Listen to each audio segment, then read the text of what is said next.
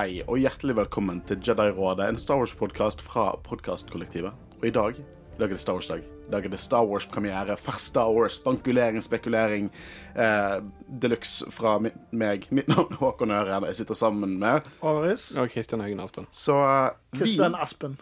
Å, faen. ja, nei, men det, er jo en, det er jo en klassiker nå. Vi Ja. må, når vi har merch, så skal det være Kristian Haugen Aspen skal stå Og så på bare en sånn strek over Haugen. Jeg, jeg gir opp. Nei, men det, det sitter jo liksom inne. Aner du hvor lang tid det tok for meg å slutte å si fra Studentradioen i Bergen, og nå si fra podkastkollektivet? Det, det er ikke enkelt når vi har flere hundrevis av episoder der vi sier akkurat det samme hver gang. Vi kan gjøre det om til en lek. Uh, vi kan ha en uh, Tikkidal-flaske her, for hver gang vi sier feil, så er det en shot. Ja, det blir gode episoder. oh, shit, det blir slitsomt. Uh, uansett, eh, vi har sett de tre første episodene av The Bad Batch, som vi også forventer at dere som hører på, også har hørt. Det kommer til å bli spoilere, så hvis dere ikke har hørt det, så skru av med en gang. Altså. Ja, absolutt. Ikke få First Hours direkte for oss. Få det fra First Hours, så kan dere komme og høre på etterpå. Eh, men eh, eh, alle kortene på bordet Vi er så heldige at vi fikk se de åtte første episodene av The Bad Batch. Det betyr ingen spoilers kommer for oss. Det kan vi garantere. Absolutt nada spoilers. Det eneste er at vi kanskje ikke kommer til å spankulere like heavy på shit. På enkelte ting som vi ikke vet noe om, spankulerer vi så bare faen. Men jeg kan sverge, det kommer ingen spoilers fra kjeftene våre om hva som skjer i de neste halve sesongen, for vi har sett åtte episoder av det vi fikk av Disney. Eh, så bare full disclaimer der. Eh, men de tre første episodene de ble sluppet i dag, og jeg Pretty Pretty goddamn great. Perfekt start, og jeg er så glad vi fikk tre episoder til å bare starte alt. Uh, fordi det er tre episoder som henger ganske sammen. Uh, og jeg, det er en grunn til at de gjorde det sånn, på en måte. Det er Uten å spoile for mye, vi skal jo diskutere det, men jeg er veldig glad at på en måte allerede nå, etter tre episoder, så har Omega rømt fra Tantis. At det liksom, de, de drar det ikke ut, for det er så mye annet jeg har lyst til å se. Det hadde føltes som de dro det ut hvis de hadde ventet i tre uker, liksom. Ja, uh, men, men, men det at vi får de tre episoder på en gang, på en måte, så er det Ja, de bare er rett i gang med resten av eh, For det er så mye som de må få med seg, liksom. Uh, vi har jo spekulert lenge med liksom få med et kloneoppgjør og sånn. Hvis de gjør det, så det, vil jeg heller ha en hel sesong med det omtrent enn uh, ja, at de skal redde Omega i løpet av en halv sesong, på en måte. Ja, ja jeg er enig. Jeg syns de brukte perfekt tid på det, eh, og at hun kom seg vekk derifra. Og så, vi, vi skal gå mer inn på det når vi snakker om det, men det, jeg er helt enig. Tre episoder, er perfekt. Eh, jeg synes at det var to rimelig perfekte episoder og en pretty great episode i midten. Eh, ingen stinkers her. Men jeg tror jeg bare likte de som omhandlet Omega Crosshair hakket mer enn en denne her midtepisoden, men fortsatt fantastisk. Christian, du har tanker. Jeg ser det i øynene dine. Du ser dypt inn i meg. Du har lyst til å snakke om Star Wars i dag. Nei, jeg bare syns du var så pene øyne. ja. uh, uh, nei, altså, eh, episode én og tre eh, er jo på en måte en sånn two-parter. Uh, veldig sånn De henger veldig sammen. Og så liker jeg veldig godt at de har tatt en episode i midten, der de viser hvor Wrecker og eh, Hunter er. Eh, og at de òg er på en måte leter etter De er også med. de er også med, og de er på en måte leter etter Omega. Uh, men jeg, jeg, er helt enig i at jeg syns det var veldig greit at de uh, brukte de De slapp disse tre sammen for å vise liksom at de ikke brukte for lang tid med å vise at Omega kom seg vekk derfra med Crosshair. Ja, jeg, jeg er helt enig. Og vi, vi skal hoppe mer inn i det. Uh, jeg syns det allerede nå bare Det, det føles det, det er fokusert, stakesene er høye. Ja, episode to var litt sånn det, Og det er, ikke, det er ikke en kritikk, det var mer Monster of the Week, samtidig som det sydde inn med hovedplottet, som jeg syns var en fin kompromiss mellom eh, begge greiene. Uh, så jeg, jeg syns dette var ganske konge. Ganske, ganske konge. Knallåpning. Jeg vet ikke hvordan man pleier å ha introer på denne podkasten, men vi kan jo hoppe inn i uh, The Bad Batch sesong 3, episode 1, Confined.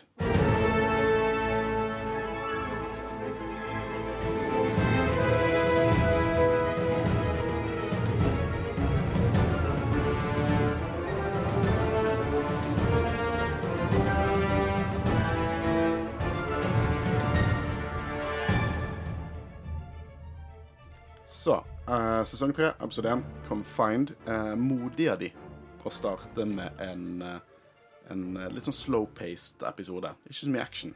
I, nesten i det hele tatt. Litt, drøyde som blir myrdet, men ellers er ikke det så mye action her. Men det er liksom en slow og dyster eh, episode som virkelig viser at dette tar tid. Dette er lang, mange måneder går. Og eh, måten de gjør det på, er jo Jeg vil ikke akkurat kalle det en klisjé, fordi det fungerer så bra, og jeg føler klisjé nesten har blitt litt sånn negativt ladd ord. Men uh, det er jo veldig sånn standard for å vise hvordan det går. liksom Strekene på, Strekene på på, veggen. eh, men det er så effektivt, fordi det, det er liksom bare der Å ja, og nå har det gått så lang tid. Og du ser òg på håret har blitt lengre. Mm. hun virker som hun har vokst litt. Hun er, men Ja, og måten liksom I begynnelsen eh, Det er ganske kult gjort, fordi du ser på en måte det samme Liksom den samme dagen eh, om igjen, eh, men hvordan hun har forandra seg etter det har gått repetisjon Ja, altså liksom. ikke samme dagen, selvfølgelig, men samme rutinene. Eh, der liksom blir vekka og eh, går i gangen og ser crosshair, og liksom først så er det liksom bare Og eh, helt sånn, mens når det har gått et par måneder, så liksom legger jeg ikke merke til det engang. Jeg bare ser ned i bakken og på en måte går trist bortover. og eh, En veldig effektiv måte å på en måte ikke bare vise at det har gått tid, men eh, at Omega på en måte er mer nedbrutt og på en måte ikke har det så bra. alt sånn. Jeg er helt enig, og jeg syns det på en måte er greit at de viser liksom hvor da, hva er status er nå, liksom, hvor er vi er i eh, historien, og hvor lang tid det har gått, og så sier.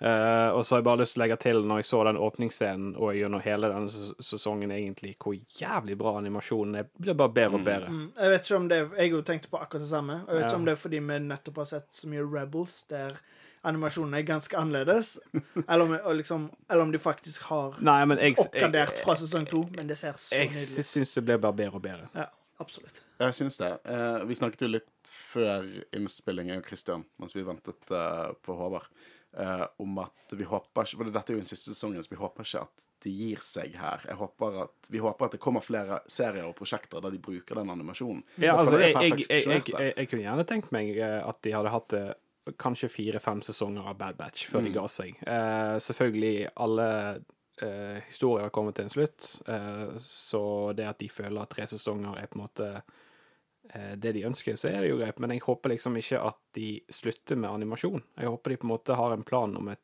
nytt prosjekt. For jeg syns Star Wars-animasjon er veldig gøy. Problemet Kristian, er at jeg er lei av å vente på ting. Du, Vi blir ikke noe yngre. Vi Nei, er men, født nei, for men tidlig. der, der tror jeg jeg er litt annerledes fra dere to, for at eh, dere foretrekker kanskje å få hele sesongen på en gang. Det kommer helt an på. Hvis jeg ikke hadde drevet denne Star Wars-podkasten med dere, så hadde jeg ville hatt alt på en gang. Ja, for jeg elsker den spenningen av å vente uke for uke for å få nye episoder. Ja, det blir jo på en måte en event, da. Ja. Eh, og spesielt med Mandalorian, som er på en måte et fenomen av en serie, ikke bare for Star Wars-fans, men alle andre også. Eh, så det er jo et helt event. Eh, det er bare det at um, jeg, Det jeg hater mest, er det da når det er mange sesonger. Og jeg, jeg syns det er veldig greit at vi har en sånn through line med Mandoverse, at vi har liksom flere sesonger Mandalorian, nå Asoka, at det er på en måte en gående historie der. Men så setter jeg pris på at vi plutselig får sånn Endor som er to sesonger, eller vi får Kenobi som er en miniserie. Hvor skuffende var ikke den der uh, Hello There-teasen? hva hva var det eh, Empire Magazine som var sånn Hello there's big reveal tomorrow. Phantom, Ikke bare big reveal, det var exclusive reveal. Ja. ja, det var det vi Phantom Menace kommer på kino igjen. det var, det, det var den annonseringen vi alle trodde det var Kenobi sesong to som skulle bli annonsert. Jeg Trodde egentlig ikke det, men fordi jeg føler da ville de ikke lett Empire annonsere det, men det var liksom Noe måtte det være. Men jeg så i dag at face, ikke Facebook, eh, Filmweb hadde postet et Facebook-innlegg om at filmen kommer på kino. Så da vil jeg jo tro at det hadde jo ikke vært en selvfølge at han kom på norske kinoer, men nå tar jeg det Ja. som en selvfølge at han kom på norske kinoer. Men det sånn, Håper det, altså. Ja. det er liksom den Star Wars-filmen Og nå, det er ikke fordi at jeg hater Phantom Menace, men den Star Wars-filmen jeg har minst lyst til å se på kino. For jeg så den en, Rett før Disney kjøpte, så var det en sånn re-release. Skulle være, de skulle slippe alle sagafilmene en gang i året på kino. Vi rakk kun Phantom Menace. Så den er ganske ferskt i kinominnet mitt. Eh, så jeg, jeg bare Jeg syns det er litt sånn eh, OK. Jeg ser den, men jeg så den aldri på kino, så Ja, jeg har lyst Og spesielt òg bare den podracing-scenen Ja. på Tenk det i en sånn en, eh, så 4D-sal, eller sånn eh, Setersen riste, liksom. Ja, ja, det er eh, det, det, det er boks? Nei, hva det heter Eh, Lux. Nei. D-box. Ja, D-box, men ja. vil på Lux som ligger på Ja. de sovesofaene helt fremme og så ser Nei, på. ja, altså, det er sikkert noen som liker det. Det var ikke for meg. Jeg prøvde en gang, det var ikke for Nei, meg. det- Alle menneskene var pæreformet. uh, men det kan jo gi oss en god unnskyldning til kanskje komme ut med en liten uh, re, HD-remake av Phantom Menace-episodene våre. For det, Ja, det, det- det er jo de første episodene vi lagde. Det jo originale sagaen. Så de er jo gøy. Objektivt Nei, kan, det, vi har noen Zoom-episoder som er langt verre, og noen fulle episoder som er langt verre. Men eh, da hadde dere kanskje gjenbesøke noen av de, Ja. hvis det er interesse der ute. Ja, jeg skal nå se den, i hvert fall. Ja da, vi må nå se den. Ja. Sant. Det, det, det, det skal bli gøy. Men uh, Star Wars. Star Wars. Bad, Star Wars. Bad Bad Batch. Batch. Bad Yes. Batch, vel å merke. Eh, Eh, jeg ja. Nei. Nei. Nei. OK. Ja. Vi er så gode podkastere, vi. Ja. Vi har Nei, så altså, god kjemi. Nei, jeg, jeg skulle bare si eh, at eh, jeg eh, elsker forholdet mellom Omega og Crosshair i denne episoden her. Jeg syns det er, er så gøy på en måte at det er en karakterepisode der de forsterker forholdet sitt. Eh, og Omega er jo besatt på at han skal være med når de rømmer, holdt jeg på å si. Og Crosshair jeg, jeg, Når jeg tolker Crosshair, så tolker jeg som at han prøver jo å få henne til å dra uten. Glemme han. Men det føler jeg eh, eh, er en effekt av at eh, Åh, hva er poenget mitt? Poenget mitt er at eh, Han har ingen håp, liksom. Er Nei, nei, nei, men eh, han vil på en måte ikke at hun skal bli skadet av å prøve å redde han, så jeg Mm. tror han prøver å beskytte henne, ikke å eh, Ja, du skjønner hva jeg mener? Ja, og folk har sett det så jeg, jeg, jeg, jeg kan hoppe inn i det.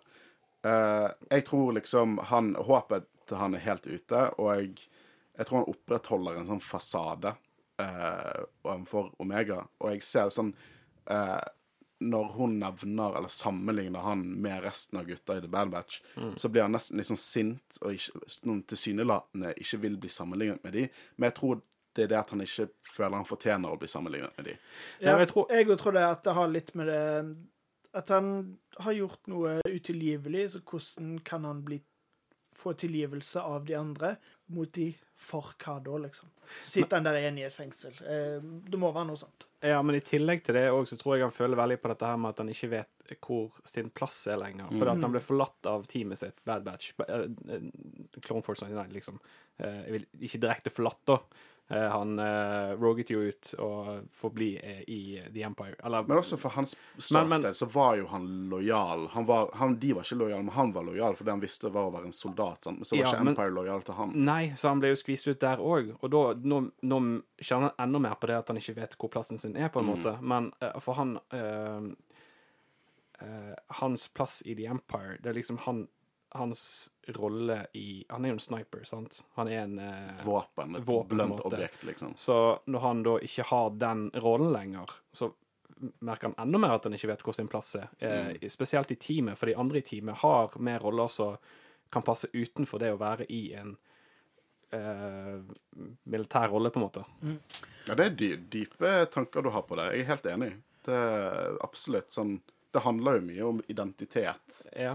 Eh, denne serien. Eh, jeg må bare si, hoppe litt tilbake igjen. Jeg setter pris på den uh, Previously On. Det er så mye Star Wars nå.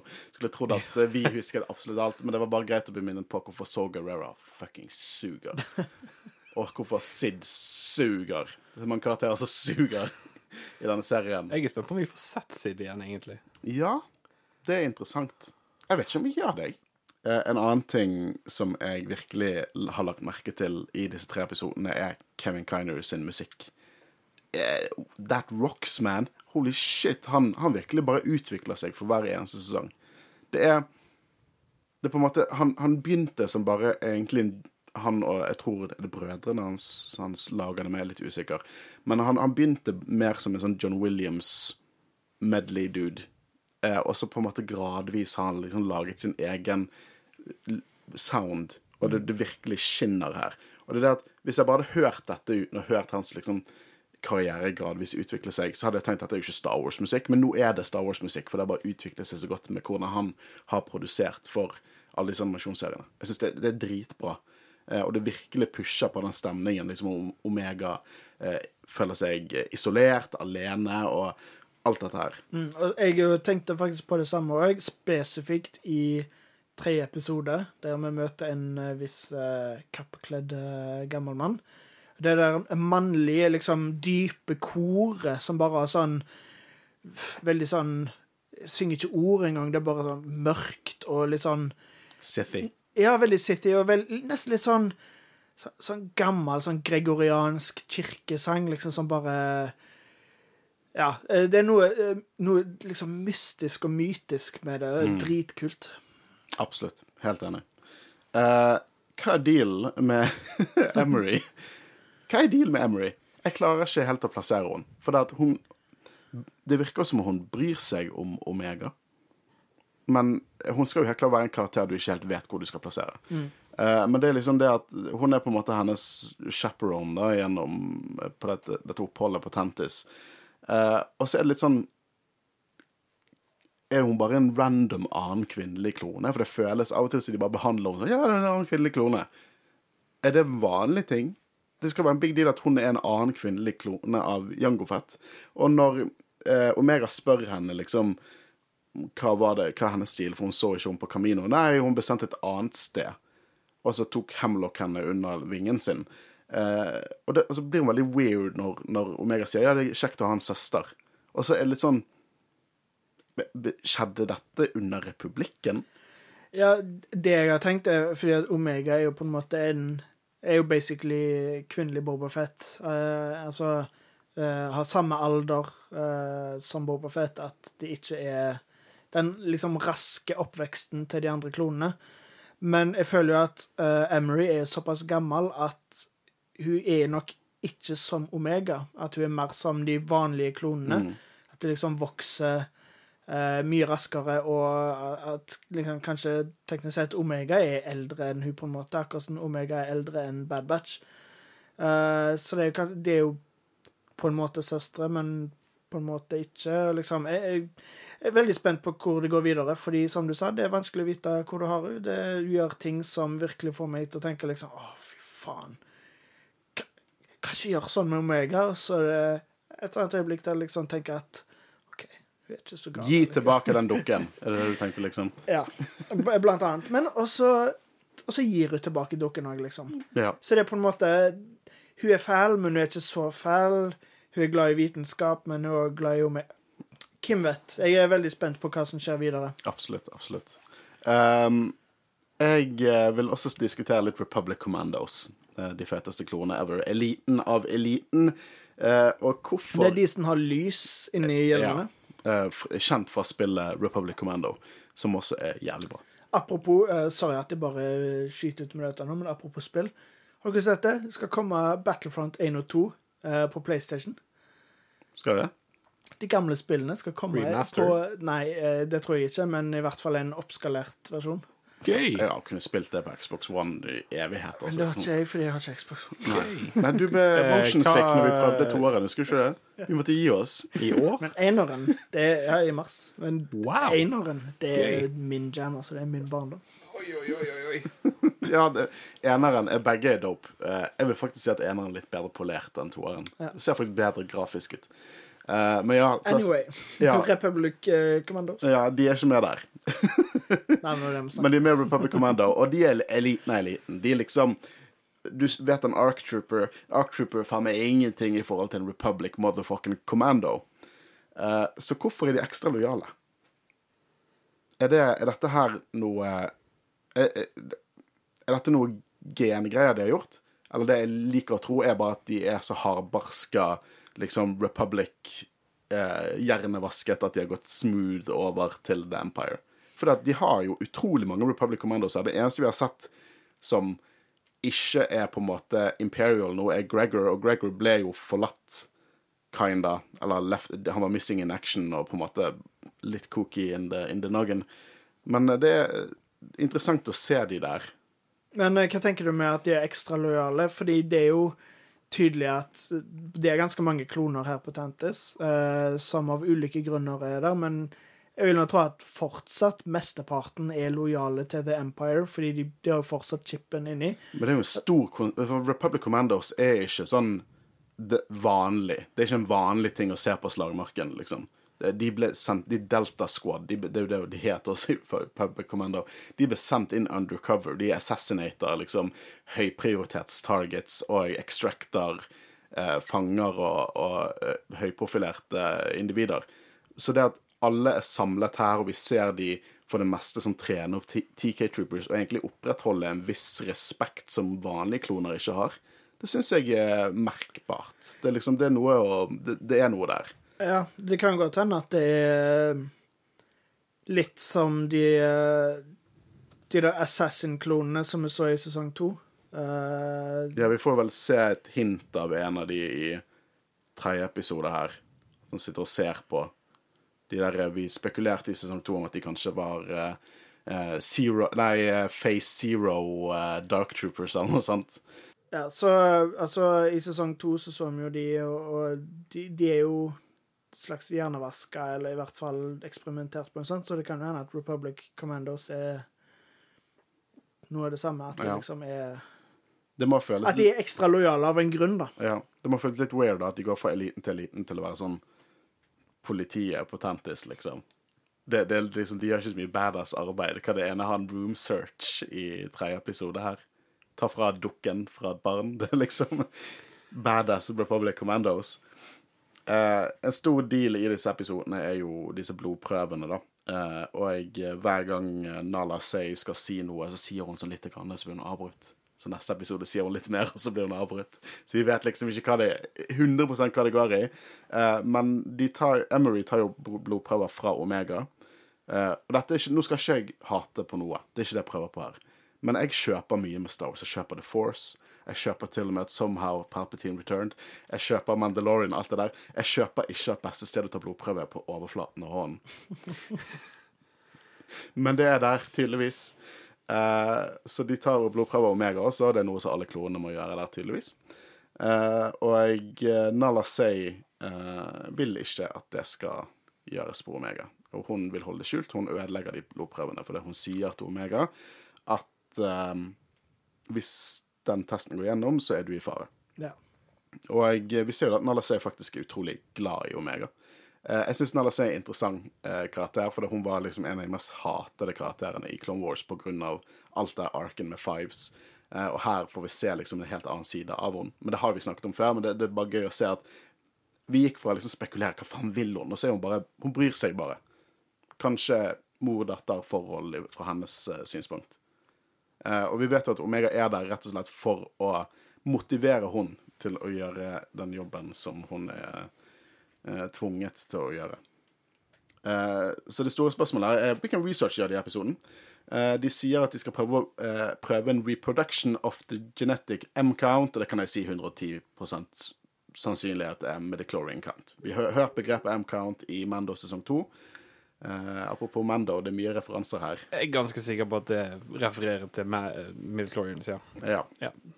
Uh, men de får ikke de resultatene uh, på specimens de ønsker, som de sier ikke er kloner. Disse specimensene, disse er eksperimentene Specimens, hva, faen er det på norsk? Prøvekaniner. Prøvekaniner. Forsøkskaniner. Jeg likte Eh, prøvekaniner, jeg. Ja, jeg vet ikke Fordi det er jo mer bare Ja, det er jo basically det, men jeg føler òg at det på en måte er litt mer at Det, det føles mer som de er en fange, på en måte, at de er specimen. Ikke, det, det bare høres si- sinister ut. Du var litt sånn god palpetine. Ja, disse kaninene eh, er spesielt ikke kloner. Eh, og jeg eh, Men det er jo interessant, da, at fordi de sier jo at de klarer å gjenskape M-count, men ikke så bra som jeg hadde håpet, at det på en måte degrader. Ja, for de sier det at, eh, at for, Slik jeg tolker det Jeg måtte gå frem og tilbake i episoden tusen ganger. Eh, for det Overraskende avansert for et kidshow, dette her. Men eh, de sier det at de kommer ut av det voltet i denne episoden, og så Nalla sier så det, det gikk jo overraskende bra. Og så sier Hemlock at, at ja, de klarte å, å overføre M-count i blodet, men at det degradet fra originale spesimenene. Så det er ikke like potent, kanskje? Ja, så og Hvis ikke de klarer å replikere mengden, liksom holde den i gående, eller gå over mengden, så blir det sett på som eh, en eh, ikke vellykket resultat. Så de må jobbe hardere, rett og slett, og da er det litt sånn kanskje jeg skal true hun der adoptivdatteren din litt mer sånn at du jobber hardere. Eh, Hemlock er jo en ganske god skurk. Jeg, jeg er fan av, av Hemlock. Uh, og jeg, eh, i hvert fall når jeg fant ut uh, det, Hva heter han? Jimmy Simpson. Jimmy Simpsons. Jimmy Simpson. McPoyle eller fra uh, It's Always Sunny in, in, in Philadelphia, og uh, han, han var med Jeg skal ikke si på den serien man ser se i Westworld sesong 1. han spilte der. Kameleonstemme. Mm. Men når jeg visste hvem det var, så kinda hørte jeg det litt. Men jeg syns Hemlocken er veldig interessant og skummel skurk. Jeg får litt sånn Nei, jeg bare klarer ikke å Jeg, jeg ser for mye McBoyle nå. og svett og drikker melk. You will call her! It's Always Sunny er en fantastisk serie som alle bør se. På et tidspunkt så må vi lage en It's Always Sunny på det. er godt du uh, gikk vekk fra mikrofonen der. Um, hvor var vi da? Ja, jeg ser Omega. Jeg liker hvordan de på en måte tar streken der. Hvordan hun bygger seg en sånn Tuka-doll og, og, ser ut i horisonten, og du virkelig får den feelingen at her er hun lenge. Uh, det er ikke, det er, jeg, jeg har snakket mye om det, men det er ikke alle som får det til. Mando elsker Mando. Liksom praise Mando, men liksom Dave Filoni må jo fortelle oss at det har gått tid. De viser ikke det klart. De kunne, jeg vet ikke hvordan de skulle vise det med Mando. da. Rust, at rustningen blir mer skitten, eller det begynner å vokse skjegg ut fra men, men, haken. det, det klarer du jo i denne her. Eh, Nå... Du klarer det fint i denne her. Altså, du, du, ser på antall streker, så finner du ut at det er ja, ja, nå... ca. 150 streker, hvis jeg ikke tar helt feil. Og det ja, tilsvarer omtrent fem måneder. Bare for å hoppe litt fram òg. Eh, vi snakket om hvordan det var utrolig effektivt eh, på en måte tidshopp. Det får de kjempebra til med Wrecker og uh, Hunter i uh, episode to òg, fordi de bare kommer inn et sted, og så ser du liksom hvor skitne og slitte rustningene deres er, og da skjønner du med en gang her har de gjort mye siden sist. I don't even care at vi hopper der. For at I sesong to så har de malt om rustningene sine og for være litt mer gøyale og fargerike, og nei svart og rød er en kombo du ikke kan slå. Og nå er de bare sånn slitt. Du ser alt det fargerike er skrapt vekk, og det originale mørke, dystre fargene kommer fram. Og de bare ser ut som to badasser, og du bare ser at de har vært gjennom et helvete for å komme der de er nå. Det er bare en Å, det er så god reveal. Det er så god reveal. Jeg digger det. Uh, men hvor var vi? Uh, ja, det er uh, Vi får se en sånn K9X1 droid. Coolokin heter han K9 fordi at Lurker Hounds det må, K9s. må være det. Uh, jeg, jeg, tok det ikke før nå, men det må jo være uh, Men det er vel den, Det må være en liksom precursor eller en, en, en annen versjon av en KX-droid, sånn som uh, K2SO, for du ser at det er mange likhetstrekk der. Um, og vi blir introdusert til the best girl ever, Batcher. Og Batcher er en lurkerhound, for det i, i på um, Mount Tentis så bruker de Lurkerhounds til å på en måte guard the perimeter. Jeg tror ikke vi nevnte at det, i begynnelsen av episoden kommer det et skip inn og krasjer. Og så et monster som, spiser de. Det, det, nevnte vi ikke. Essensielt for hva som skjer i episode tre. Men uh, det er mye uh, setup and payoff i disse episodene. Men jeg liker det. Det er, sånn, det, det, det er veldig sånn Star Wars. Det er veldig sånn analogt. Liksom, vi har hunder, eller hounds, til stede. Hvorfor ikke bruke de til noe som å uh, beskytte området rundt? Men uh, Batcher er jo uh, the best girl ever. Uh, og vi får egentlig se hvordan Omega egentlig trener hun opp til å på en måte være en del av hennes uh, litt sånn tynne plan. og som også Crosshair syns er ganske tynn. Og jeg, jeg, Vi har snakket mye om Crosshair, men jeg liker det når hun kommer liksom opp til han, og så han er sånn 'Nei, ikke redd meg. Complete mission.' Og så kommer hun opp der og forteller hva hun har gjort. liksom, 'Jeg har, jeg har reddet Batcher', og, eller whatever kan hende hoppe litt episoder nå, whatever. Uh, og jeg føler han er liksom sånn Jeg orker ikke denne kiden. Jeg orker det ikke. Han er liksom ikke så familiefar sånn som Hunter er, men så etter hvert bare liksom slipper fasaden. Um, det er jo her vi får se denne surprise inspection, uh, der Emery tar fra henne denne dukken. Uh, og jeg, dette kan jo på overflaten bare virker som at å, disse bad guys og meg har det jævlig. Men jeg tror det på en måte representerer noe dypere forskjeller mellom republikken og Empire. Fordi at Clone Wars og Bad Batch handler mye om å gjøre å vise at klonene er individer. At det ikke er eh, denne TV-solingen, kaldblodige greien som drepte Jediene. Det er individer. Alle er sin egen person. Selv om de ser identiske ut, så er de forskjellige mennesker. Men Eh, under The Empire så motarbeider de hele det imaget. Sant? Du skal ikke ha personlige eiendeler, for du er ikke et individ. Dere skal ikke ha ulike farger på rustningene, for dere er det samme. Dere er et verktøy for oss. Uh, og da, da tror jeg, jeg tror hele den seten uh, medvirker liksom den måten å tenke på som er det kyniske Empire, rett og slett. Og den er jo med på å liksom så de frøene av tvil eh, om Emery, da, siden hun først liksom er så, ikke liker den dokka og tar han fra Omega, men senere gir han tilbake òg, da. Så det, det, det viser jo på en måte òg det at, som du sa, at Empire de vil ikke ha individer, men òg De er òg litt bad guys. Mm. Eh, nå er det at de, uh, KX-droiden, eller K9-droiden, har lyst til å drepe Batcher, for han har blitt så snill. Domesticated, eh, og da er ikke han en uh, vellykket vakthund. Eh, og eh, enda med at Omega dreper den droiden da, og slipper løs i en litt klisjé-måte. Det er den derre Go! Go away! Kaster en stein her, gjør ikke det, men den har vi sett i tusen andre serier og filmer. Eh, og så blir hun busted av Hamblock, da, og snakker, han snakker litt om dette med handlinger har konsekvenser. En dyster Han virker, merker hvor kynisk og kald denne personen er. Det er ikke plass til følelser eh, i, i denne, dette fasilitetet. Snakker om det at Så du tror at du har reddet livet til den hunden og gjort noe annet enn det jeg tenkte å gjøre. For nå har du gjort den svak og sluppet den ut i villmarken. Uh, og eh, Omega har jo sine håp om at da, har han i hvert fall en sjanse. Uh, og eh, Omega vet at hun har liksom et ess i ermet og sier at liksom, du vil ikke skade meg, for uten meg så har ikke du Nala Sei, hun er essensiell. Og så sier Hemlock ja, men jeg kan skade Crosshair. Og så er hun sånn nei, ikke gjør det, da! Viser alle kortene sine. Hun er fortsatt barn, av og til glemmer man det litt. Eh, så han, Hemlock begynner å bli rimelig lei av Omega. Men jeg, føler òg, liksom som du sa, at vi glemmer ut at Omega er et barn. Jeg føler òg at i disse episodene så viser det veldig godt at de får fram det, at hun fortsatt er et barn.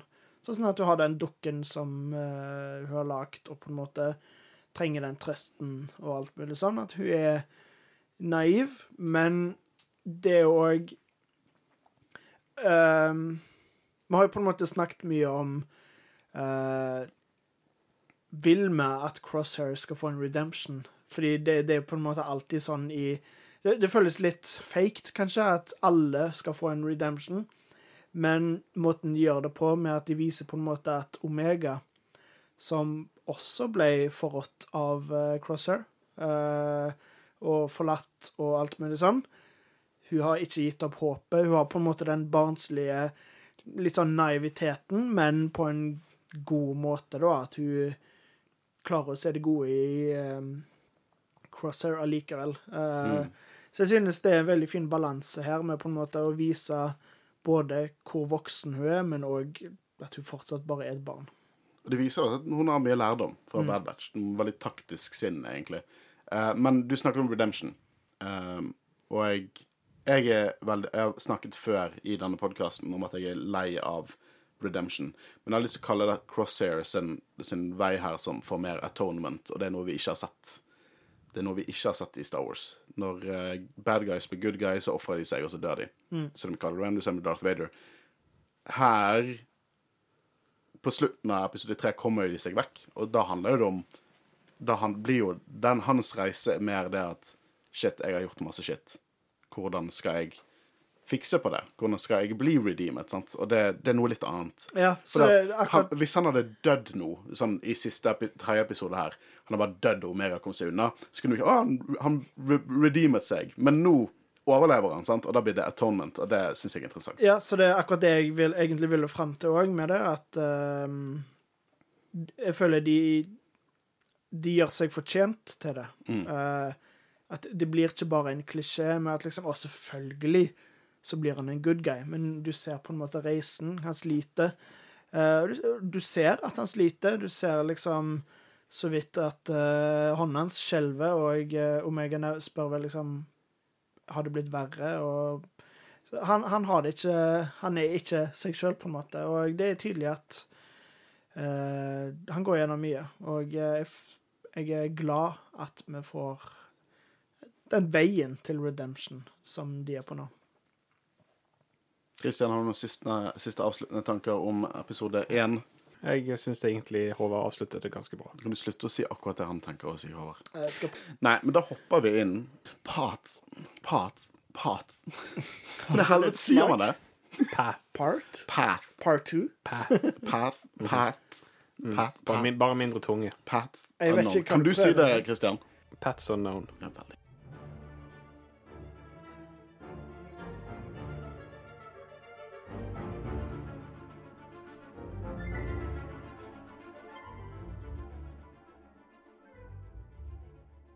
Episode to, hva heter episoden, Kristian? Jeg husker bare Path. Unknown. Uh, dette er jo en mer Monster of the Week-episode, men samtidig så dytter de plottet godt videre. Vi, Ja, ja, vi, burde jo, vi, vi måtte jo vite hva gutta holdt på med nå. Ja, og det er veldig, veldig bra å ta dette som liksom midtepisode før de fullfører del én og del to av forrige episode. Men altså, ja, det er litt sånn Monster of the Week, men samtidig så Det viser jo bare at de har ikke gitt opp, og de aktivt leter eh, etter Omega. Og de viser òg veldig godt hva de er villige til å ofre. Eh, på en måte det vi nevnte med at de er så skitne og sånn, men de er liksom full blown mercenaries. De, eh, de Hunters. gir liksom den der Pike uh, Syndicate-fyren til eh, Durand Syndicate. Ja. For Husker eh, dere denne filler-episoden fra sesong 1 som ingen har slikt Sjekk Den, det. den paid off nå! Ja, ikke sant? Jeg lurer på hva de gjør med og de, og de, blir, de blir jo òg spurt om de uh, følte seg uh, At de var veldig modige som tørde å gå imot Pite Syndicate, holdt jeg på å si. Mm. Eh, men eh, ser dere på det som negativt for Monster of the Week, siden dere Nei, ikke i det Nei, hele tatt. nei, jeg bare, bare spør. Nei, men det er bare det, det, Monster of the Week jeg, jeg ser ikke på det som noen negativ ting. Det kommer helt an på hva serien vil. Hvis Ja. det bare hadde vært Monster of the Week, så, så ville det føltes litt sånn OK, enda en episode. Men sånn som nå, der det liksom har Mm. Ja, noe sånt, og fører plottet videre. Fordi det er jo Ja, det er akkurat det, for dette, det, det, dette det er jo ikke, det, det, det er ingen hint at dette er en fillers på noen som helst måte. Den beveger plottet videre. Så Enig. jeg syns det er bare kult eh, at de slenger inn et monster, så Og jeg um... eh, Det er ikke akkurat nødvendigvis monsteret som er problemet med Monster of the Week, men det er jo bare mer det at uh, Jeg følte i hvert fall det i sesong to, at det var ganske mange episoder som ikke nødvendigvis gjorde noe for den store historien. Det føltes veldig contained. Ja. Uh, men det gjør jo ikke denne her, fordi den de er liksom på jakt etter den laben, og de drar et annet sted. De ak- det er et aktivt mål, og de viser desper, desperasjonen til hovedpersonen her. Jeg syns dette er kjempebra, og jeg syns det er dritfett å se uh, liksom Deveronian shit, for det ser vi ikke veldig ofte. Og jeg hadde Durand Syndicate med Isa Duran, som er moren til eh, Roland Duran, som endelig får hornet sitt tilbake igjen. Husker dere hornet fra sesongen? Ja, Han heter Roland. Ja. OK, fordi jeg har spilt ekstremt mye Baldur's Gate 3 i det siste. Og der er det jo en eh, I DND så er det jo en rase som heter tieflings, som basically er sånne djevler med horn. Og der i Baldur's Gate 3 så er det en sånn tiefling med horn som heter Roland. I Witcher 3 er det en bounty hunter som heter Junge Frett. Den kan ikke jeg huske. Jeg syns er skal spille Oi. Den kjent, den beste bounty hunteren på hele Skellige Island. Um, ja. Uh, Men hva tror dere uh, Nå er vi inne i denne her Hva skal vi kalle det for tronsalen? Ja. basically. Uh, og første gjesten før vårt team ankommer, da, round 60, 99, skal vi si, men jeg mener selvfølgelig eh, Wrecker og Hunter. Eh, de faller jo ned, for de har sånn hva Ray Shield, eller noe sånt. ja, det, Ja. Hvor havner de, tror dere? de har vel sikkert en rancor der nede, da. Ja, Enten en ranker, eller fullt av trampoliner, eller Det hadde vært gøy. Ja. Uh, Badass rustning på han duden, da. Det, Ja. det var, alt var veldig kult look her. Jeg digget viben. Det var et eget senat rundt i rommet òg. Ja. Eh, jeg vet ikke, jeg vil vite mer om denne historien. liksom det svake lederskapet til Isa Durand og liksom et lokalt opprør innad en kriminell organisasjon. Det, er- det høres ut som en dope-ass bok. Jeg har lyst til å lese den. Og den no måten hun sa Jeg husker ikke nøyaktig hva hun sa, men etter liksom Hun ble eh, beskyldt for å ha et svakt, og bare Er det noen andre som synes det? Og så zoomer de opp og ser hvor mange som er Det var faktisk dritfett. Ja, og så er det bare med i sånn to minutter. Ja, hva- jeg skri- det står i notatene mine her. Hvorfor er ikke vi mer her? Og så roper vel han som faller ned ut at Cowards. Cowards. Ja, alt, alt her var bare veldig stilig. Jeg vibet med alt, liksom. helt enig. Uh, men så får vi på en måte se Record Hunter. der Vi har snakket om reveal deres. Igjen, eh, bare badass look in, og du får fullt og helt inntrykk av at de er desperate. De, de, er, de vil ikke ta imot noe shit. De vil ha informasjon de er lovet. Og uh, denne her uh, damen, eh, som også var jævlig kult designet, eh, bare truer de, og de er sånn Ja ja, lady, hvor er koordinatene våre? Sant? De, bare, de, er bare, de er så hverdagsherre. her. Jeg tror aldri jeg har likt de to mer enn jeg, enn jeg gjør nå. Eh, og det virker som han Durand faktisk ønsker de godt. Han, han har et uh, lite øye til de. Eh, og de får noe informasjon om The Imperial Base til Hemlock, eh, men usikre kilder. Og de, de får ikke mer informasjon for hun damen siden av. Det, det som jeg syns er litt tidlig, at hun har, hun har to knapper på den stolen sin. Den ene slipper ut en gangbro, så hun eller han kan bevege seg over. Den andre tar vekk det der som de står på, og så faller de. Ja, for det, hun er for lat til å ta tommel opp eller ned. Ja, ja, ja sant, det òg, men jeg tenker på Gud, hvor lett det er å trykke på feil knapp. Ja, å faen! Burde ikke kanskje det vært to knapper samtidig som en sånn Eller én på hver side. Sånn at liksom OK, venstre er Eller- død, høyre Eller, hør meg ut her, en lapp som viste hva knapp som var hva, så du faktisk ikke, får ikke Det er sånn som er på miksebordet, der står programleder høyre, venstre. Det. Ja, sant? Ja.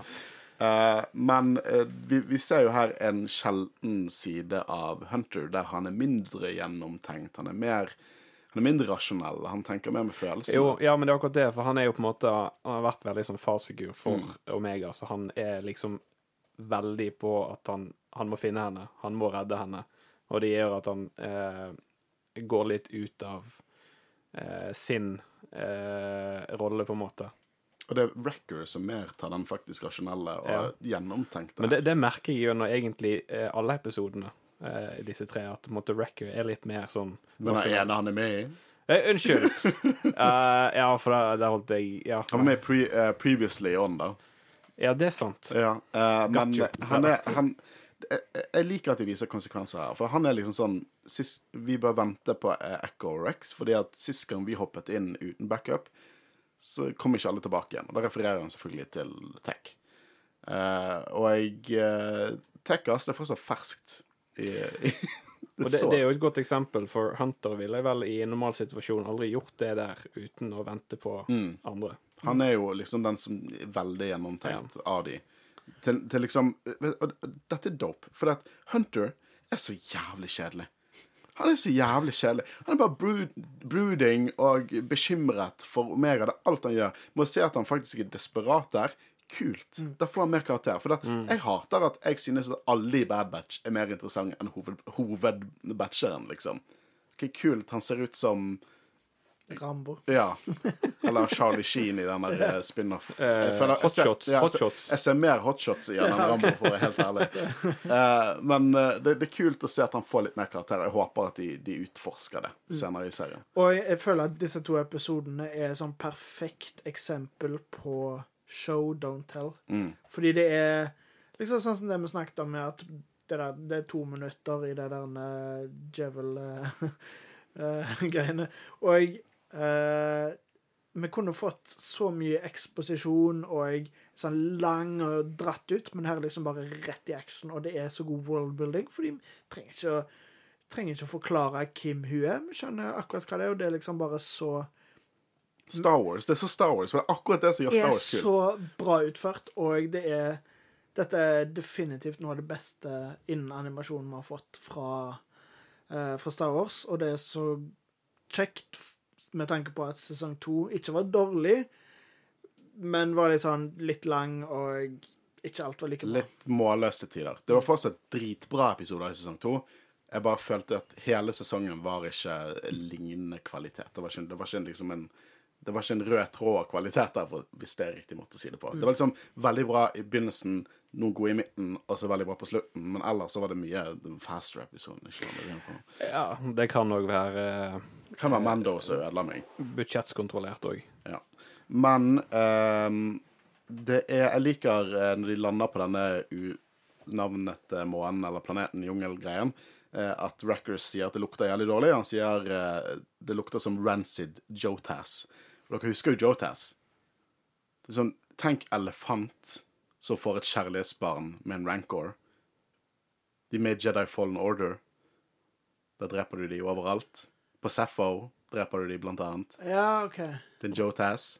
Tror de dukker opp i, ja, en dukker opp i Survivor også. Det er sånn hemmelig rom i, på Coruscant. Uh, ja, gøy med Jedi-referanser. Jedi, uh. Eh, så de kommer til denne jungelplaneten da, og den- til en overgrodd base. Eh, føles ancient ut, men de sier det har orbital, helt klart vært en orbital bombardment her. Eh, men jeg lurer litt på så, hvor lenge har de holdt på, denne basen?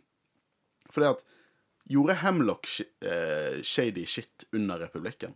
Fordi at vi vet at Death Star begynte under republikken, så kan jo hende at Hemlock hadde et samarbeid med Palpatine allerede når han var chancellor. Å, definitivt. Det føles ikke ut som Det har jo gått litt tid, definitivt, eh, siden eh, starten av sesong 1 og liksom Order 66. Jeg vet ikke nøyaktig hvor lang tid, men det føles ut som alt dette her har holdt på mye lenger enn bare det. Så jeg tror nok det uh, Kanskje nå har enda større fokus, uh, fått mer budsjett, uh, men definitivt så er det nok de nevner jo i episode tre De kaller det Project Necromancer. Jeg husker ikke om jeg har hørt det uttrykket før.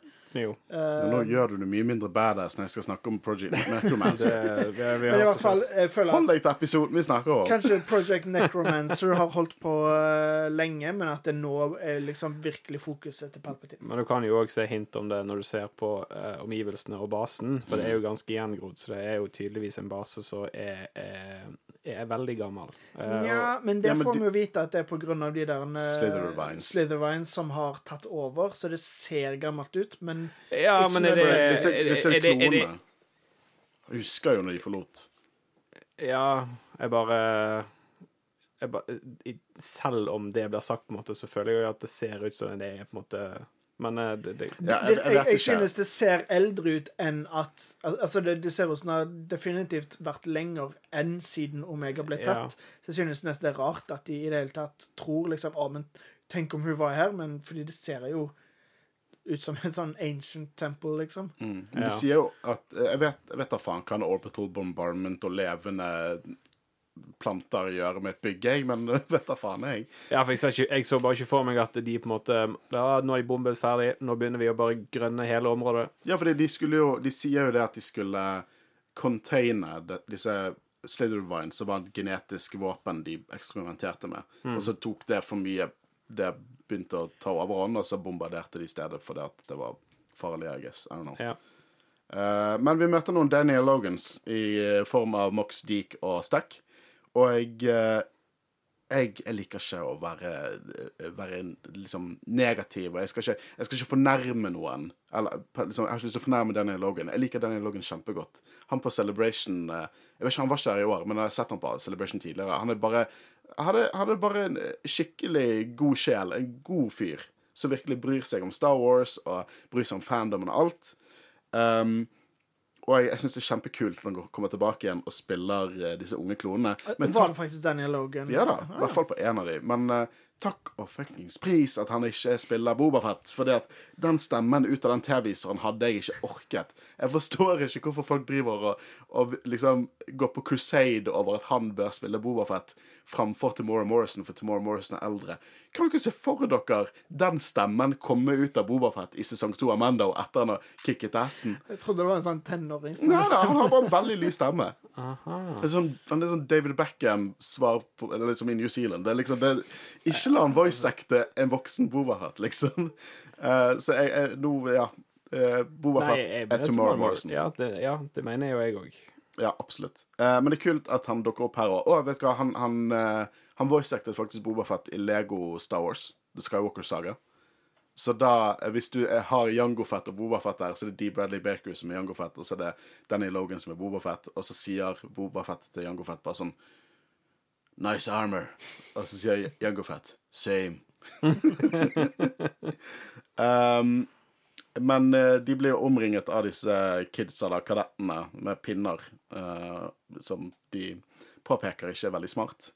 Uh, og de sier jo at de, Record Hunter sier de er kloner også, og de kommenterer litt frekt. Og de 99s, de er defective, og så sier Record defective and effective. Den er fin. Men de må ha hørt det ganske mye når de ikke tar det til seg. Ja, men det gir jo på en måte mening. Ja, de, Men de, de, det er litt kult, da, for de har jo ikke et veldig godt forhold med regs, egentlig. Så denne episoden pusher jo litt det der forholdet, sant? Men eh, det er vel bare de som er uh, 99? Altså um, squad? Det er det, det som er interessant, for de sier det er 99s. Det betyr at det må være en del 99s, da, hvis det er en ja, kjent eller, ting. ja, eller enten bare det at Bad Batch er dritkjente blant kloner. Men husk at deres serienummer er jo 99, altså eller XX. Så det er jo mulig at det er flere der ute uh, enn de. Uh, og at det er liksom Eller bare de vet at en klone ikke ser ut som en klone, så det er en 99. I don't know. Uh, interessant tanke, i hvert fall. Eh, men de skal lede de til liksom til deres lille Lord of the Flies i form av Mox, og Mox vet alt og er så smart. Eh, han er sikkert en uke eldre enn de. Eh, så de kommer jo av dette Slithervines, Vines, altså visstnok en genmodifisert eh, våpen som Empire holdt på med her, og de mister kontroll over det, og forlot laben, og da har etterlatt disse klonene her, og de er litt sånn de, de er litt freaka ut fordi at deres egne kloner, liksom de voksne klonene, snakket om good soldiers for orders og etterlot de der, så de er jo veldig skeptiske til kloner generelt. Eh, og det er mye kult der. Uh, liksom, det at de eksperimenterer med masse forskjellig shit, og ikke bare liksom M-count-greier, er veldig sånn Empire. Vi har sett mye av det i Empire. Det er mye freaky kloning og genmodifisering i de mørkeste hjørnene av The Empire. Hvis dere har lest Darth Vader-tegneseriene, så har du Dr. Silo, uh, som også designet drakten til Darth Vader, og han han lagde veldig sånn cheap ut av en sånn space whale, helt syke greier. Og Tarkin har også en skjult lab som han liksom betalte for, med masse weird, wacky shit som kun fungerer i tegneserier, for det er way over the top, eh, også for Star Wars-skala. Eh, men de blir jo fortalt at det er et kontrollrom som er intakt inni basen, men der er det masse vines og litt suicide mission, og jeg, det er egentlig bare den ene klonen, jeg tror det er Deke som finner ut at de, disse gutta liksom leter etter en i squaden sin. Og jeg, det kan jeg respektere, så jeg har lyst til å hjelpe de, for de hadde ikke noen som hjalp de. Sant? Så det er egentlig det som vinner over disse unge klonene. Um, så Deke da følger de inn Følger de inn i denne basen. Uh, en sånn pet peeve har Jeg vet ikke hvem det er som liksom skriver subtitles til disse seriene. Uh, Gonky Honks. Nei, Gonky Gonks. Det er derfor han heter Gonk. Do they even Star Wars? Det, dette har vært et pågående problem siden sesong én. Jeg tror eh, Altså, det, det er mange oversettelsesfeil der ute, men eh, jeg tror ikke de fokuserer veldig på å gi eh, og tekstforfattere som på en måte er kjent med eh, science fiction-verk. Men Christian, Altså- Gonkdroids er diskuterbart det mest ikoniske for Star Wars. Jo, jo, jo, men se det fra et perspektiv der den, det kan være det er en manusforfatter som aldri har sett et Star Wars-verk i sitt liv, som har gjort dette her. Ja. Men um, har han ører, da? Nei, jeg skal gi meg. Um, så de Det er sikkert AI som gjør det. Det er f Ja, du skal Det er en god jobb for AI. Jeg har funnet ut altså, Altså, jeg, jeg, jeg, jeg eh, Bare for å dra et eksempel opp fra hatten min. Eh, jeg syns det var veldig artig når jeg var så Narnia på kino eh, Dette er jo herrens år siden. Ja, det er en stund siden. Ja, uh, Da var du en liten Christian. Da var jeg liten. Da het du Haugen Aspen. Uh, og jeg lo, for de hadde, de hadde oversatt uh, attack med attakk. Attakk! Ja.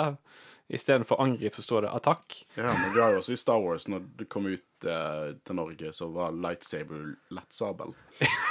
Sant? Det er mange sånne. Og ironisk nok skal en lightsaber være tung, eh, som er gøy. Uh, men har dere spilt Dead Space? For jeg får sykt Dead Space-vibes inni denne basen. Hørte om, aldri spilt. Det, det, remaken er mm, perfekt. Og hvis du blir lett redd, så kommer du til å få et hjerteinfarkt, men det er helt konge. Det, jeg elsker det spillet. Uh, men ja, det er veldig Dead Space-vibes. Også med den der I Dead Space i første spillet så har du på en måte Du finner sånn, sånn Det vokser sånn organisk materiale, og så finner du på en måte kilden til dette materialet, som er en stor sånn ting med tenner. Så det er jo Det er nesten sånn jeg tror at det er direkte inspirasjon. Og du har sånne små, eh, ekle insekter som løper rundt og hopper på deg. Veldig aliens, veldig Dead Space. Uh, dette her er creepy shit, ass. Jeg digger det. Hele viben her. Jeg får litt. Predator-vibe òg, Ja. med, med tanke på at de er i jungelen, og det at du får Predator-handshake i slutten av episoden. Ja, du får det, ja. Dylan, you son of a bitch. uh, men hva er det her? De får med Gonk til å finne ut data. De andre klonene liksom bryter seg inn i skipet, og de velger å, å hjelpe.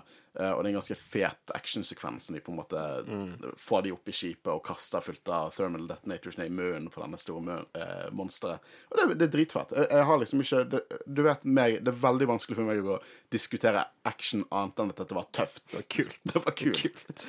Eh, det viser seg at det er ingen nyttig, veldig nyttig data her. De fikk liksom en, en lead. De fikk, noen nevnte et system.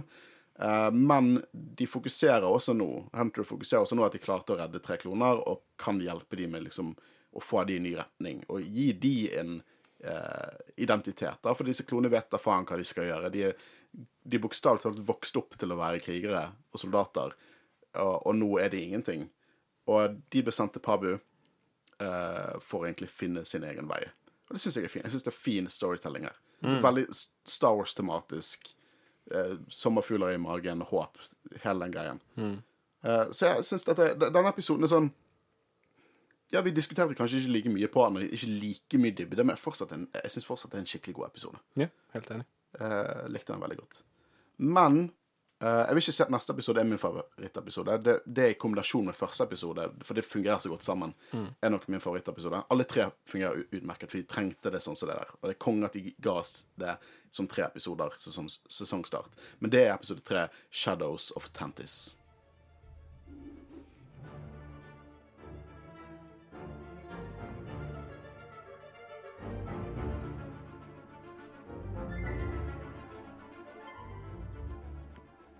Episode 3, Shadows of Tantis. En konklusjon til episode 1.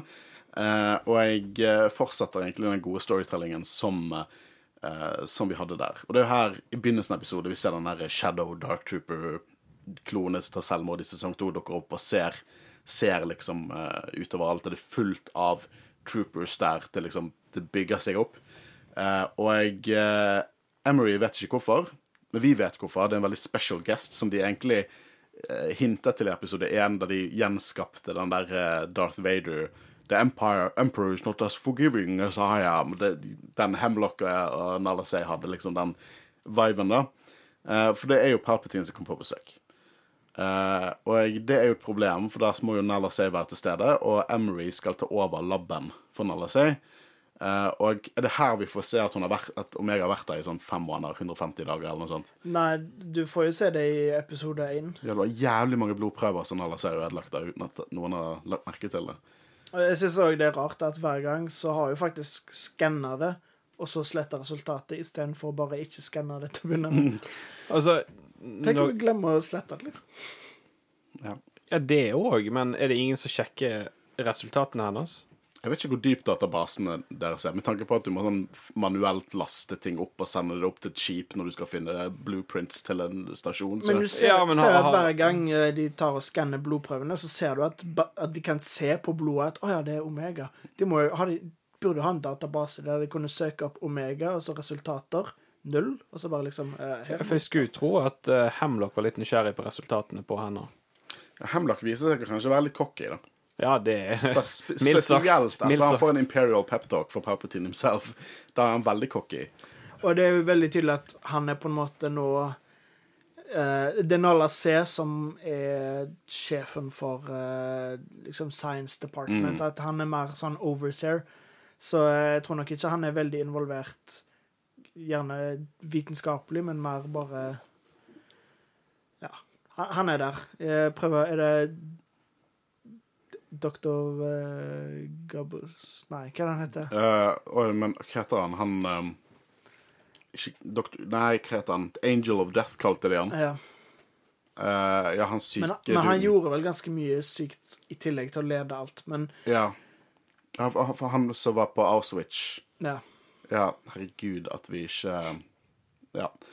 Men eh, ja, for det jeg, jeg får den viben. Det er liksom Nazi scientist-vibe de går for med Hemlock, og de synes jeg også gjør han enda skumlere som skurk. Uh, så det er, det er Han er en skikkelig, skikkelig god skurk. Eh, det er jo nå seg innser at hun ikke får slettet dagens blodtest, og Emery kommer til å se testen hennes, og hun sier da at du må komme deg vekk før det er for sent. Du, du må bare ta datapennen min, og så må du komme deg the hell out of here. Og vet du hva? Det virkemiddelet med den blodtesteren så de, de, de satt opp i episode 1, og kom nesten som en klokke som tikker nærmere. Det er så effektivt. Det er så Havepirrende, nervepirrende. Det er, Dritbra storytelling, liksom. jeg syns det var kjempekult. Eh, og jeg, uh, hun stjeler jo datapennen og er mishandler en stakkars mousetroid det var jævlig vittig. Nei, hun sparket i han. Ja, Ja, men den den ja. var ikke happy. Nei, nei det, uh, og jeg finner Crosshair og bare sier sånn Nå skal du holde kjeft, og så skal du distrahere vaktene. Uh, jeg kan ikke si at det er ikke alle personer her i verden som klarer å rope 'guards' så badass som Crosshair klarer. og han er jævlig rask, eh, rask i hodet, da, for da døren går opp, og han kicker assen til noen sånn TK. Det var så perfekt øyeblikk. Men liksom han bare sier og Slipp meg ut og gi meg våpenet. Og så sier klonen Nei, den andre vakten liksom Hvordan skal du gjøre det?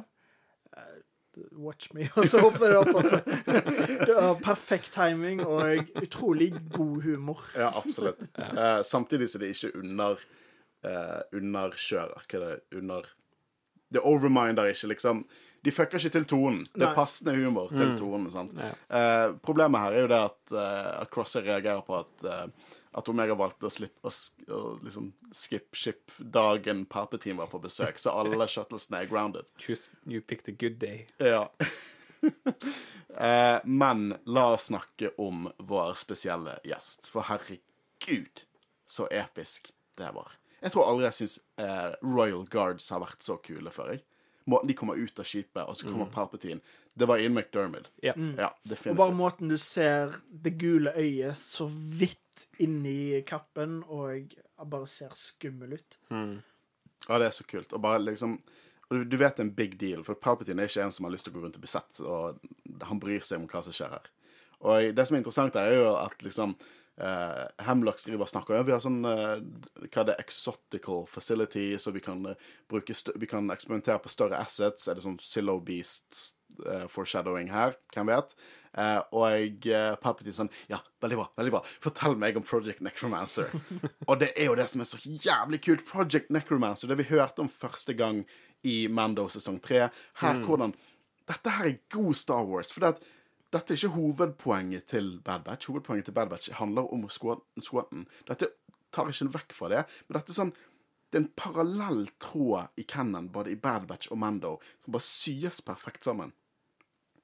Det er helt konge. Jeg digger det. Det er helt nydelig. Det, sånn, det var det jeg sa. Sånn, om noen år så kommer vi til å tenke sånn OK, det shitet med Palpatine i eh, Rise of Skywalker jeg, skal, jeg sier ikke at det var veldig bra utført i Rise of Skywalker, men det shitet i Rise of Skywalker det gir mening. Her ser vi hintene. Her ser vi Bad Batch rett etter klonekrigene leder opp mot det vi ser i Mando som leder opp til Rise of Skywalker. Det er en nydelig måte å sy sammen Cannon på, uten å liksom la det ta for stor plass for det som er hovedhistorien. Hva syns dere?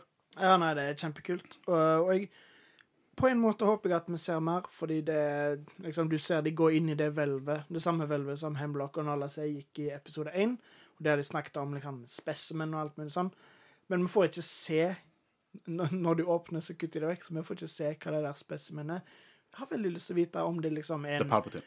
Om det er en Nei, Ja, men. Sånn jeg tolker det, er jo at det er jo Det er ikke en spesimen der er ikke det de prøver å ta det inn i. Det er vel det de tar det fra. Altså, de tar Du sier det plages? de, de tar blod fra en, og så prøver de å blande blodet til klonene med M, og så få M-count. Det er sånn jeg tolker det i hvert fall, at de tar M-count fra et spesimen, blod med M-count fra et spesimen, og prøver å få det inn i en klone. I don't know the science. Det, den, den, den Palpatine er det. Så Nei, det er Du, du vet han der bibliotekaren vi så i sånn der Ember i Kenobi? Det, det, det er der. Uansett- Uansett så er det, bygger de det veldig godt opp. Ja. Og vet du jeg trenger nødvendig Jeg trenger ikke svare på dette. Jeg bare digger at de bare syr det inn i ulike verk og sånn. Ja. Uh, og Palpatine sier nå bare sånn OK, dette er det viktigste. Du skal få alle ressursene du har lyst på. Ja, For å trygge fremtiden til dette keiserriket, så er det dette du må gjøre. Og du skal få fuckings alt du ber om. Og det er litt sånn Palpatine ønsker å leve evig. Og ha makten for evig og skape et uendelig infinite empire. Og det ser vi her. Bare stakkars han. Det varte ikke så lenge. In the grand scheme of things. Uh, og det er bare så Det er så jævlig kult. Det er dritfett. Jeg digger dette her. Og jeg, han er liksom sånn Dette stedet må ikke Ingenting må skje her. Dette må holdes skjult. Det kom Vet du hva, jeg, jeg sier det nå. Siste episode er Potentis. Clone Rebellion er Potentis. Det, jeg, jeg lover dere. Det er Potentis. De kommer, det, Omega vil redde klonene. Jeg vedder på at siste episode er Potentis. Og de kommer til å fucke de opp, sånn at keiseren som Helvete! Te telefonboken Exegol, ja, prøv det der. Definitivt. Det tror jeg. Uh, og Hemlock han er jo en imperial uh, at heart, for han har lyst til å bli scientific minister og fikse forskningen til hele The Imperial Science Division, eller uh, noe i den dealen. Jeg liker også at Palpatine sjøl sier sånn Ja, det er enkelte som vil si at du er en creepy mann, og det du gjør er creepy, men jeg ser visjonen din. og når du hører det fra Palpatine, så må du liksom OK. McPoil, ass. um, nå har jo Omega og eh, Crosshair funnet ut at uh, de må ha en alternativ rute, så de skal komme seg gjennom Batcher sin sånn kennel-dør. Uh, der nede i kennel. Uh, og de K9-droidene får virkelig kjørt seg i disse episodene. De to vi ser blir ødelagt. Men jeg liker å tenke at det er samme fyr som har blitt fikset, og så blir han skutt igjen. Og her Det er en dårlig dag på jobben. Veldig. Og her dukker jo Emery opp igjen, og igjen får vi litt sånn Hvor er hun? Hvor er hun plassert, på en måte? For hun prøver å overtale de, og det ender jo med at hun blir skutt med en stunblast, og jeg får alarmen i gang, og de må liksom løpe ut. Uh, og imens uh, er jo Da blir jo liksom Hemlock er bare så jævlig lei av disse klonene. så han vil egentlig ha de drept, sender Lurka Hounds og TK Troopers og Republic Commandos etter de, uh, og er veldig søss på, på Nala Say, rett og slett. Eh, men har dere hørt om en Manbear Pig? For det får vi se i denne episoden. For Manbear Pig dukker opp. Jeg vet ikke hvilket monster det er. Det er rimelig sikker på at det ikke har vært med i Star Wars før. Men uh, I'm super ethereal. Det er manbear-pig. Det er Manbear Pig. Uh, for Manbear Pig var han som det som drepte de TK Troopersene i første episode, og jeg uh, holder liksom disse lurker-houndsene i sjakk, da. Eh, og jeg, eh, det som er kult her, er jo det at Omega har mistet håpet nå. Omega sier unnskyld, hun prøvde. Men nå har Crosshair fått gnisten tilbake pga. Omega sin liksom viljestyrke og, og hennes liksom mot og hva hun har fått til. Og jeg sier Han virker liksom rett og slett imponert over henne. Og det, det er så gøy å se. De to passer, de, de passer så godt sammen. Det er som, det er som peanut butter and jelly, liksom. Det, det ene er salty, andre er sweet. De passer perfekt sammen. De to er den perfekte sandwichen. Og det er bare jeg elsker det. Og jeg, eh, han sier 'Har du hørt om Plan 72?' Og så eh, sier Omega 'Ja, Tech eh, lærte alt om det'. Og så sier han 'Of course he did'. Og det føler jeg er mer som en sånn respektfullt sagt av han. 'Of course he did'. Good on him, liksom. Uh, og, og De skal rett og slett Jack Sparrow-skipet til uh, Jeg vet ikke om jeg forklarer det. det, det. De skal ta en Jack Sparrow. Ta skipet deres, og jeg Batcher dere opp, og Batcher tar ut noen TK Troopers, og jeg Omega er skikkelig badass. Hun løper ned, sikrer liksom hatchen når Crosshair går opp, og skyter med blasteren sin. Dritfett! Kjempekult. Digger det. Jeg tror ikke jeg kan forklare det mer detaljert. Nei, men altså, animasjonen her også er dritkule. Sånn som når hun tar den heisen opp og snur seg. Det er vanskelig å forklare igjen, men det, det bare så kjempekult ut med måten hun var liksom krokrygga og var liksom snake seg om bord. Og... Jeg kan forklare det med ett ord. Jo. Hun er tactical. Hun er Det var tre Tre- ord. Nei, var ja, tre ord. ja, ett ord. Tactical. Tactical. Tactical er ett ord. Uh, men um, de, det blir jo en stor chase der med V-wings i hele pakken. Helt til Emery sjekker testen til Omega, stopper Hemlock akkurat og sier at eh, she, her test supports positive M-count transfer with no degradation from the specimen. Jeg er litt sånn usikker. Har de gradvis overført blod til disse klonene, og så ser de hvem som tar imot? Eller hvordan fungerer dette? Det, sånn jeg tolker det, er at det er noe spesielt med blodet hennes som gjør at Fordi det er jo første gang testen faktisk er blitt gjennomført eh, i den der klokkegreia. Fordi de først så tar de du, du ser jo at de blander det med, Mm. med blod, så jeg antar Det er derfor jeg tenker at uh, den som er specimen, at det er en, en for, force br br, Broker.